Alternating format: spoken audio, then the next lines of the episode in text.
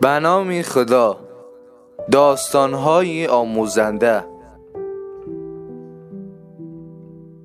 حاکمی در کرمان رسم نهاد هر که از مسافران و ساکنان دزدی کند آن شخص را سوار بر الاغ به مدت یک هفته در شهر بگردانند.